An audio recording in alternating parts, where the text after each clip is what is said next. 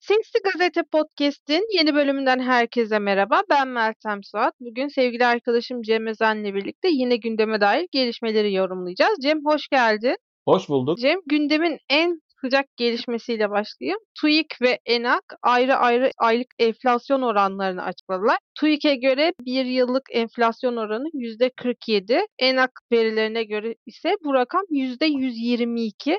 Sen bu veriler hakkında ne düşünüyorsun? Ve ona ek olarak bir şey daha söyleyeyim. Bu enflasyon oranlarında bu ayın en çok e, artış yaşayan ürün gruplarında birincisi %20 ile sebze ve onun arkasından %15 ile taze meyveler geliyor. E, bu yaz mevsiminde sebze ve meyvelerde bu kadar fahiş enflasyon artışının sebebi hakkında sen ne düşünüyorsun? Ben onu sorarak başlayayım. Evet, e, tüfeğe baktığımızda beklentinin biraz üzerinde bir enflasyonla karşılaştık. 9,49. Yıllık enflasyon da 47,83'e çıktı böylelikle. 8 aydır düşüyordu enflasyon. Baz etkisiyle düşüyordu ama bu noktadan sonra tekrar bir tırmanış hareketi görüyoruz. Bunun temelinde geçtiğimiz ay artırılan vergiler var. MTV artırıldı, daha doğrusu iki taksit haline getirildi, iki katına çıkarıldı diyelim. KDV'ye yapılan zamlar var, ücretlere yapılan zamlar var. Onlar da yine enflasyonun üzerinde bir baskı oluşturuyor. Benzine yapılan zam yine keza. Yani bu ay bir enflasyonda bir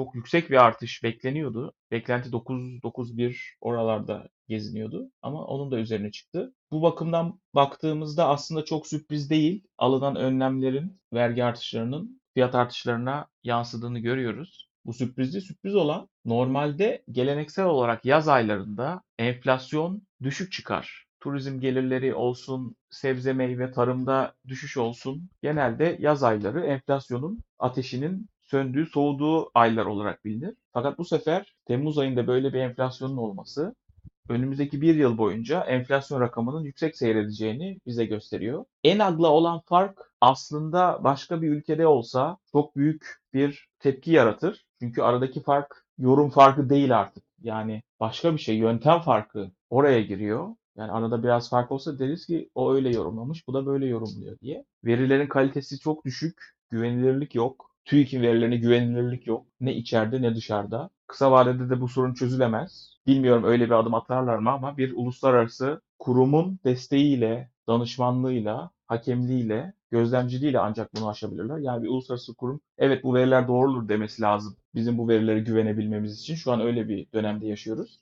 Yine senin söylediğin gibi sebze fiyatları enteresan. Sebze fiyatları Temmuz'da en düşük seviyelerde seyreder normalde. Fakat benzine yapılan zam olsun, diğer zamlar olsun sebze fiyatlarını %20 gibi, aylık %20 gibi korkunç bir seviyeye çıkardı. Dünyada gıda fiyatları düşüyor, hep söylüyoruz. Türkiye'de artıyor. Bunun yanında dünyada bir takım emareler var. Rusya'nın tahıl anlaşmasından çekilmesi, Hindistan'ın pirinç ihracatını yasaklaması gibi birkaç faktör dışarıda da aslında düşüşte olan fiyatları yine yukarıya doğru taşıma potansiyeli içeriyor. Eğer öyle de olursa bizim halimiz artık çok fena olur. Bu biraz daha gidecek. Yani enflasyonla boğuşmamız biraz daha gidecek. Merkez Bankası Başkanı Hafize Gaye Erkan %60'a vuracağını söyledi bu rakamın 2024 ikinci çeyrekte. Yani 2024 ikinci çeyrekte her şey iyi olursa, ekstra bir şey çıkmazsa %60'lara yakın bir enflasyon olacağı düşünülüyor. Sonrasında bir iniş olacağı düşünülüyor. Yani yolumuz da uzun. Alınan önlemler ve Mehmet Şimşek'in deyimiyle rasyonel politikalar bana göre başarılı olamayacak. Çünkü Türkiye'nin bu enflasyon belasıyla ve ekonomik krizle boğuşmasının nedeni ekonomik şartlar, piyasa şartları değil, siyasi şartlar. Bir kişinin koltuğunu koruması için tüm bu krizlere girildi, enflasyonlarla uğraşılıyor, borçlara girildi. O bir kişi orada durduğu sürece yapılması gereken hamleler hep engellenecek, hep önüne set çekilecek. Mesela faiz artırımına çok direnilmişti. Son dönemin en konuştuğumuz konusu. Faiz artırımı yapıldı. Merkez Bankası faiz artırımı yaptı ama bu sefer şimdi enflasyonla olan fark yine açıldı bu ay. Dolayısıyla enflasyonu yakalayamıyor faiz ve genel tüketimi baskılayamıyor. Tüketimi de işte vergilerle, diğer kredi kartlarına yapılan düzenlemelerle aşılmaya çalışılıyor. Çünkü tüketimi kesmeniz, ekonomiyi soğutmanız lazım. Bu acılı ve sancılı bir süreç. Hiçbir siyasi hükümetin istemediği, kaçındığı bir süreç. Zaten o yüzden bu haldeyiz. Seçim öncesinde, seçime bir iki yıl kala böyle bir yola girmedi Erdoğan. Girseydi seçimi kaybetme süreci daha hızlanacaktı. Onun yerine ekonomiyi şişirme, yanan ekonominin üzerine benzin dökmeyi tercih etti ve yandı. İnsanlar enflasyonun yakıcı etkilerini yapılan zamlarla hissetmediler ve o dönem böyle atlatıldı. Seçime kadar olan dönem atladı. Seçim bitince hemen bu durumu düzeltmeye yoluna girdi. Çünkü ekonomi de dönmüyordu ve büyük bir döviz krizi içindeydik. Mehmet Şimşek bir takım yeni politikaları gündeme aldı ve şu an onun sonuçlarını izle, izliyoruz. Tüketimi kısmak için yapılan hamleler geçtiğimiz ay, bu ay böyle bir enflasyonla karşılaşmamıza neden oldu. Ee, yani halkın işi zor zaten bir süredir uğraşıyordu enflasyonla ve pahalılıkla. Bu uzun süre daha devam edecek. Yani her şey doğru yapılsa bile diyorum ki yapılmayacak. 2-2,5 yıl daha çok yüksek enflasyonda Türkiye boğuşacak. Türkiye'nin enflasyonu anormal bir seviyede baktığımızda yani G20 ülkelerine baktığımızda çok çok alakasız bir noktadayız. Yani İngiltere'de enflasyon mesela 7-8'lerde bizde ise %47'lerde. Arjantin zirvede enflasyonda bir de Türkiye geliyor. İki saçma sapan politikalar uygulayan ülke. Bir süre daha halkımız yüksek enflasyon, pahalılık bunlarla uğraşacak. Ama dediğim gibi bu şeye özel, bu duruma özel sebzede, sebze meyve, genel gıdada halkımız maalesef zorlu bir döneme girdi. Evet, dünyada da tahıl koridoru krizi, Çin'de senin bahsettiğin gibi pirinç krizi devam ediyor. Ancak hani şunu da göz önüne almak lazım. Biz seninle e, işe yemek götürülür mü bölümünde gıda fiyatlarının artışından bahsetmiştik. Oradaki orada da gıda krizine dikkat çektik. Yani Türkiye Cem biliyorsun bir tarım ülkesi olarak biliniyor ve Türkiye'nin hani başlıca geçim kaynağı aslında tarım ve hayvancılık. Ancak hani şu yaz döneminde Temmuz ayında bile sebze ve meyvede bu kadar büyük bir enflasyon artışının tek sebebi var. Artık Türkiye'nin tarım ülkesi yerine inşaat ülkesi olma yolunda ilerlemesi. Daha geçen bölümde seninle Akbelen'deki protestoları konuştuk ve yani ormanlık alanları kesip yerine termik santral yapıyoruz. Ormanlık alanları kesip yerine hava alanları yapıyoruz. Ormanlık alanları kesip yerine dördüncü, beşinci köprüyü yapıyoruz ve artık çiftçilere de destek vermiyoruz. Çiftçiler de bu durumdan çok şikayetçi. Yani Trakya'ya gidip baktığında artık çiftçiler de üretmek istemiyorlar. Üretme istekleri gelmiyor içerisinden. Çünkü devlet onları da teşvik etmeyi bıraktı. Ve bir tarım ülkesi olan Türkiye gitgide yani kurak bir ülke olma yolunda ilerliyor. Zaten hani bu yaz Türkiye'nin en sıcak yazlarından biriydi biliyorsun. Müthiş bir iklim krizi var. E, bu iklim kriziyle birlikte gene bir gıda krizi de patlayabilir Türkiye'de. Çünkü bu hava sıcaklarının bu kadar yüksek olması bu mevsimde yetişen çoğu sebze meyve, meyvenin yetişmemesine de sebep oluyor. Yani bu durumda biz biraz daha hani bu krizi özellikle gıda alanında yaşayacağız gibi gözüküyor. Ya yani ben daha bu sabah markete gittiğimde Cem sebze reyonunun bomboş olduğunu gördüm ki bu mevsimde en dolu olması gereken dönem. Yani hiçbir sebze yoktu. Çünkü artık hani toptancı, üretici bunlar da sıkıntı yaşıyor ki enflasyonda en çok artan grup benzine gelen zamla birlikte yakıta olan e, yakıtın enflasyon oranıydı. Yani toptancı da yakıt fiyatlarından şikayetçi, e, çiftçi de traktörüne mazot alamıyor, mazot fiyatlarından şikayetçi.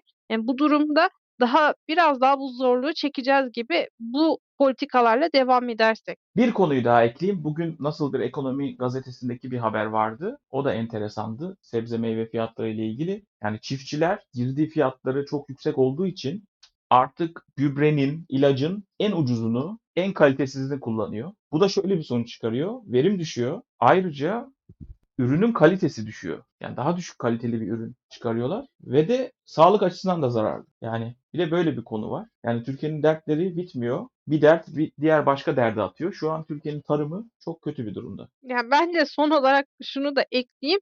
Ee, benim çevremde de çok fazla tarımla uğraşan yakınlarım var. Onlardan da şu şikayeti duyuyorum. Bu dönemde Toprak Mahsulleri Ofisi çok fazla e, hububat alımı yapıyor. Ancak randevu bulunamıyor ve çiftçi ürettiği malzemeyi devlete satamıyor şu an. Onlar da randevu almak için uğraşıyor. Tabii TMO da tüm kapasitesiyle hani alım yapmaya çalışıyor ama çiftçi de satamadığı için diyor ki aman niye hani uğraşayım zaten devlete de satamıyorum diye bir yerden sonra artık o işi yapmamaya başlıyor. Şimdi gündemimizde farklı bir haber daha var. Aslında bu sosyal medyada en çok konuşulan konulardan biriydi son birkaç gündür. Bir havayolu çalışanının Hollanda'ya iltica etmesi çok konuşuldu. Bu çalışan bir video yayınladı iltica ederken ve videosunda da mültecileri suçladı. İltica etme sebebim artık Türkiye'de çok fazla sığınmacı olması. Bu sebeple Türkiye'ye veda ediyorum dedi. Ancak şimdi sığınmacılardan şikayetçi olan bir çalışanın kendisinin de sığınmacı olarak Hollanda'ya gitmesi birazcık da çelişkili bir doğru, durum doğuruyor.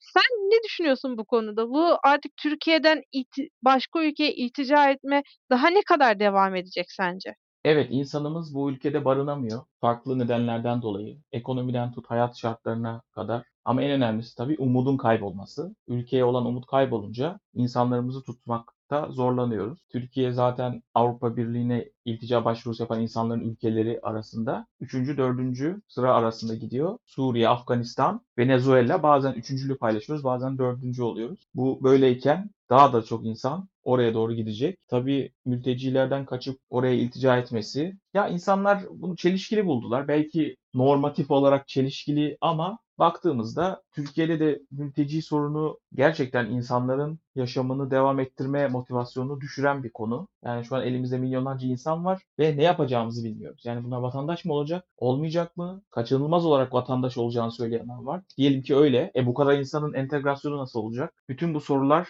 insanları bunaltıyor. Aslında göç veren çok ülke var şartlardan dolayı. Bazıları da anlaşılıyor. Mesela Suriye'den bir insan niye kaçar bunu anlayabiliriz veya Afganistan'dan bir insan niye kaçar bunu anlayabiliriz ama Türkiye'de biraz anlamsız gibi duruyor. Yani bir ülkeniz var sonuçta ekonomi var hani savaş yok bir şey yok. Niye insanlar kaçıyor diye düşünebilir bir tarafsız birisi. Burada da psikolojik faktörler açıkçası devreye giriyor. Yani ekonomi kötü diye insanlar kaçıyor değil. Burada çok yoğun özellikle genç insanları umutsuzluğa sürükleyen bir psikolojik atmosfer var. Sanki iki tane millet varmış gibi, iki tip vatandaş varmış gibi bir makbul olanlar, bir de diğer düşmanlar gibi bir ayrım var. Düşman kategorisinde olanlar, düşman gibi algılananlar kendilerini baskı altında hissediyorlar ve bu yüzden bu ülkede bir gelecek görmüyorlar, istemiyorlar. Ve orada şeyi şeyi de konuşmak lazım. İşte oradaki şartlar iyi mi, buradaki şartlar kötü mü? E buradayken yani o insanlar onun hesabını yapıyor tabii ki. Bu kadar insan niye kaçıyor? Bunun konuşulması lazım. Ya bir şekilde kaçıyor bu insanlar bir motivasyonla. İşte orada da şartlar zor.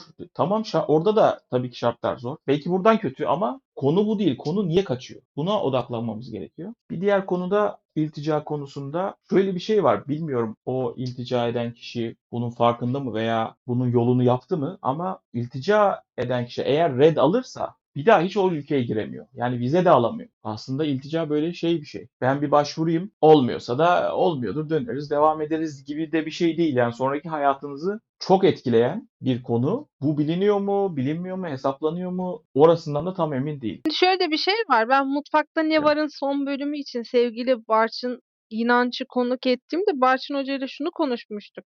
Mesela yurt dışına iltica eden ve bir süre sonra orada e, vatandaşlık alan Türkler radikal sağcı oluyor. Popülist sağa yöneliyor. Hatta Almanya'da Al Almanya için Alternatif Partisi'nde Leyla Bilge'yi biliyorsun sen de.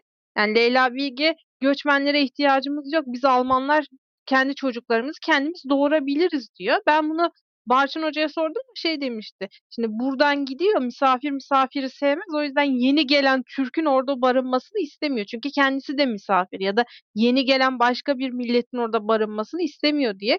Şimdi bu e, çalışanın da aslında gitmesi şöyle bir absürt durum oluşturuyor bence.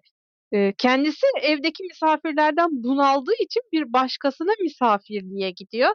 Halbuki evdeki misafirlerden gitmesi için bir çaba da gösterebilir. Belki de göstermiştir. Ama misafirden sıkılıp misafirliğe gitmesi birazcık enteresan açıkçası. Kendi içinde evet bir çelişki oluşturuyor. E şu da var Türkiye son dönemde zaten çok sık göç vermeye başladı. Özellikle beyin göçü anlamında doktorlar çok fazla gidiyor zaten. Ki bunu hani neredeyse 1-2 senedir sen de biliyorsun tartışıyoruz. Mühendisler gidiyor, doktorlar gidiyor, farklı meslek grubundan insanlar gidiyor. Yani bu da aslında Türkiye'nin genç nüfusunun dışarıya kaçmasına neden oluyor. Ben hani en son seninle şeyi de konuşmuştuk geçtiğimiz aylarda. 17 yaşında lise öğrencisinin nasıl e, Türkiye'den başka bir ülkeye iltica ettiğini konuştuk. Artık ilticanın da yaşı düşmeye başladı. O, onu da göz önüne alırsak. Ben bu çalışanın Hollanda'ya kabul edilip kabul edilmeyeceğini açıkçası merakla takip ediyor olacağım. Çünkü de, senin dediğin gibi bir daha vize alamayacak Hollanda'ya ve başka ülkelere vize alabiliyor mu peki böyle bir durumda? Yani iltica başvurusu reddedildiği halde. O ülkeye alamadığını kesin biliyorum. O ülkeye girişinde sorun olduğunu biliyorum. Diğer ülkelere bakmak lazım. Dediğim gibi ben hani neler yaşanacağını çok merak ediyorum. Evet Türkiye artık hani yaşam koşulları konusunda gitgide zorlaştı. Hem ifade özgürlüğü yok, bireysel özgürlüklerimiz çok kısıtlandı. Daha az önce konuştuk. inanılmaz bir enflasyon ve pahalılık var. Artık hangi meslek grubunda olursa olsun insanlar yaşayamıyor ve ben diyorum şunu sosyal medyada çok rahatlıkla görüyorum. Artık diyor benim özellikle beyaz kuşağı, beyaz yaka olarak e, bildiğimiz sınıfta sınıfa mensup olanlar şundan şikayet ediyor. Sadece kira ve faturalar için yaşıyoruz. Kazandığımız para sadece ev kirasına gidiyor.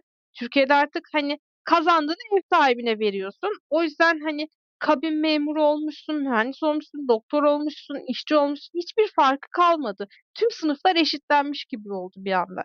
Peki Cem manşete atmadan önce eklemek istediğin farklı bir yorumun var mı? Hayır. Sesli Gazete'nin bir bölümün daha sonuna geldik. Bugün gazetemizin manşetinde TÜİK ve ENAK'ın açıkladığı enflasyon verileri vardı. Ayrıca Hollanda'ya iltica eden kabin memurunun videosunu da yorumladık Cem'le. Sesli Gazete'nin geçmiş bölümlerini yeniden dinlemek ve yeni bölümlerimizden haberdar olmak için bizleri Spotify, iTunes ve Google Podcast kanallarımızdan takip edebilirsiniz. Ayrıca podcastimizle ilgili her türlü görüş ve öneriniz için Twitter slash Ahmet Cem Özen ve Twitter slash Meltem Suat adreslerinden bize ulaşabilir. Daktilo 1984'ün diğer içerik ve yayınlarına göz atmak için web sitemizi ziyaret edebilir. Ayrıca YouTube kanalımıza abone olup katıl butonuna tıklayarak bizleri destekleyebilirsiniz. Hoşçakalın.